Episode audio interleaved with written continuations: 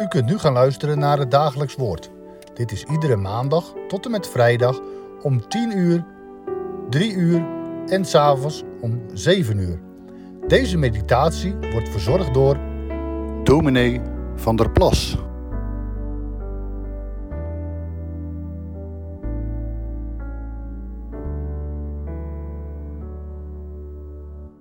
Welkom bij Dagelijks Woord.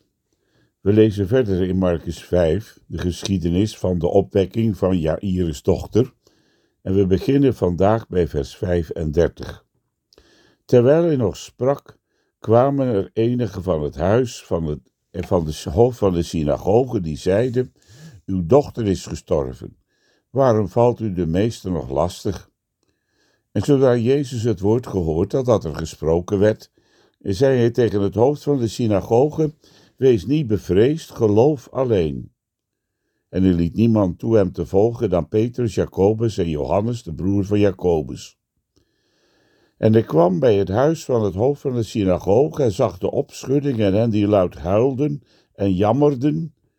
En toen hij naar binnen gegaan was, zei hij tegen hen, waarom maakt u misbaar en huilt u? Het kind is niet gestorven, maar het slaapt. Ze lachten hem echter uit. Maar hij stuurde hen alle weg, nam de vader en de moeder van het kind en hen die bij hem waren mee en ging het vertrek binnen waar het kind lag. En hij pakte de hand van het kind en zei tegen haar, Talita kumi, dat is vertaald, meisje, ik zeg je, sta op. En meteen stond het meisje op en liep, want het was twaalf jaar, en ze waren geheel buiten zichzelf. En hij gebood met klem dat niemand dit te weten zou komen. En hij zei dat men haar te eten moest geven. het zal je maar gebeuren. Je bent met de ambulance met een doodziek kind op weg naar het ziekenhuis. Zwaai ligt op, sirene aan, elke seconde telt. Het gaat om leven of dood. Opeens remt de chauffeur en de wagen staat stil. Er is een oponthoud. Mensen demonstreren en blokkeren de weg. De ambulance kan niet verder. Je had al veel spanning, maar dit is bijna ondraaglijk. Begrijpen die mensen niet hoe belangrijk het is om zo snel mogelijk met een kind in het ziekenhuis te komen? Je zou het wel uit willen schreeuwen dat ze weg moesten. Nu kan hun protest je kind het leven kosten. Daaraan denken we wanneer we het gedeelte van vandaag lezen en de paar versen die voorafgaan. De dochter van Jairus is ernstig ziek. De overste van de synagoge is hulp gaan halen bij de heren en heeft hem dringend gesmeekt, kom, leg de handen op haar, zodat ze behouden wordt. Terwijl de heiland met hem meegaat, is er een oponthoud vanwege een vrouw die genezing bij hem zoekt. We kunnen ons indenken dat het van binnen bij Jairus gekookt heeft. Hoe kun je nu de meester in de weg lopen? Dat kost allemaal tijd. Straks zijn we te laat. En zo gebeurt het ook. Wanneer ze eindelijk verder kunnen, komen enkele knechten van Jairus hem tegemoet en zeggen: Uw dochter is gestorven. Waarom valt u de meester nog lastig? Op zo'n moment lijkt alles voorbij, je wereld stort in. Waar je bang voor was, is toch gebeurd. En dat terwijl de heiland vlakbij was. Marcus vertelt ons hier een aangrijpend verhaal. Wie het weet wat het is om een kind te verliezen, zal zich in Jairus herkennen.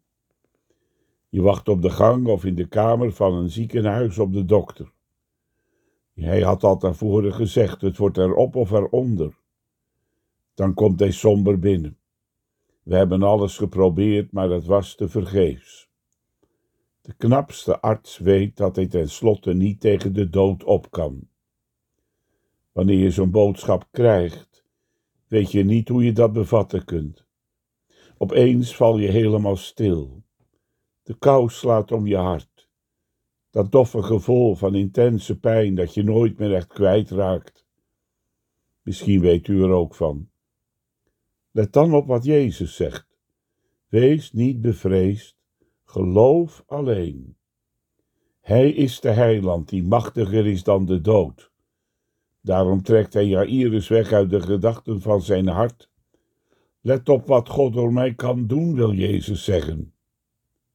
Hij zegt dat ook vandaag tegen u of jou die weet van een diep verdriet, omdat je iemand verloor van wie je zoveel hield, of omdat je grote zorgen hebt over een die dicht bij het hart van je zit. Het was een strijd, zeggen mensen soms als iemand overleden is, die hij of zij niet kon winnen. Dat was toen ook al zo. We lezen in de Bijbel enkele keren over een dodenopwekking, maar ook in Jezus' dagen stierven ouderen en jongeren die werden niet opgewekt. Precies zoals dat ook vandaag gebeurt. Daarom wil dit gedeelte meer zeggen dan dat Jezus doden kan opwekken. Wat hier gebeurt is een teken dat heen wijst naar de toekomst. Hier zien we de macht van Christus, die op Pasen ten volle openbaar is gekomen. Daar heeft hij de slag met de laatste vijand gewonnen. Straks bij zijn wederkomst zal dat voluit zichtbaar worden, wanneer hij met grote stem alle doden die in hem ontslapen zijn, zal opwekken tot heerlijkheid. De opwekking van Jairus dochter is daar de belofte van. Daar lacht iedereen om die niet met Jezus wondermacht rekent. De klaagvrouwen, de fluitspelers in het huis van Jairus, die zeggen dat kan toch niet? Dood is dood, dan ben je er geweest. Meer hebben we elkaar ook niet aan te bieden. Er komt een moment dat de beste arts dat erkennen moet. Dat maakt het ook zo bitter als we elkaar moeten loslaten. Je bidt om hulp en genezing, maar het komt niet. Je hoopt op leven, maar je weet dat het einde komt. Dan vraag je je toch af: waarom kon het toen wel en nu niet? De Heer weet daarvan. Hij zegt: Kom tot mij met de vragen en het verdriet van je hart. Ik laat je daar niet alleen mee tobben, net zo min als ik Jairus heb laten vallen. Ik loop met je mee op je moeilijke weg om je voor te helpen. Daarom gaat het in dit gedeelte om meer. In het wonder bij Jairus' dochter wordt ons de kracht getoond van Gods koninkrijk. Daar heeft de dood niet het laatste woord. God belooft eeuwig leven aan allen die Christus liefhebben. De dood is het einde niet, dat is vast en zeker. Daarom neemt Jezus ook drie discipelen mee, die als getuigen zullen zijn van het wonder dat hier gebeurt. Ze kunnen zeggen: We waren er zelf bij toen hij het kind opwekt uit de dood. Het is echt waar gebeurd.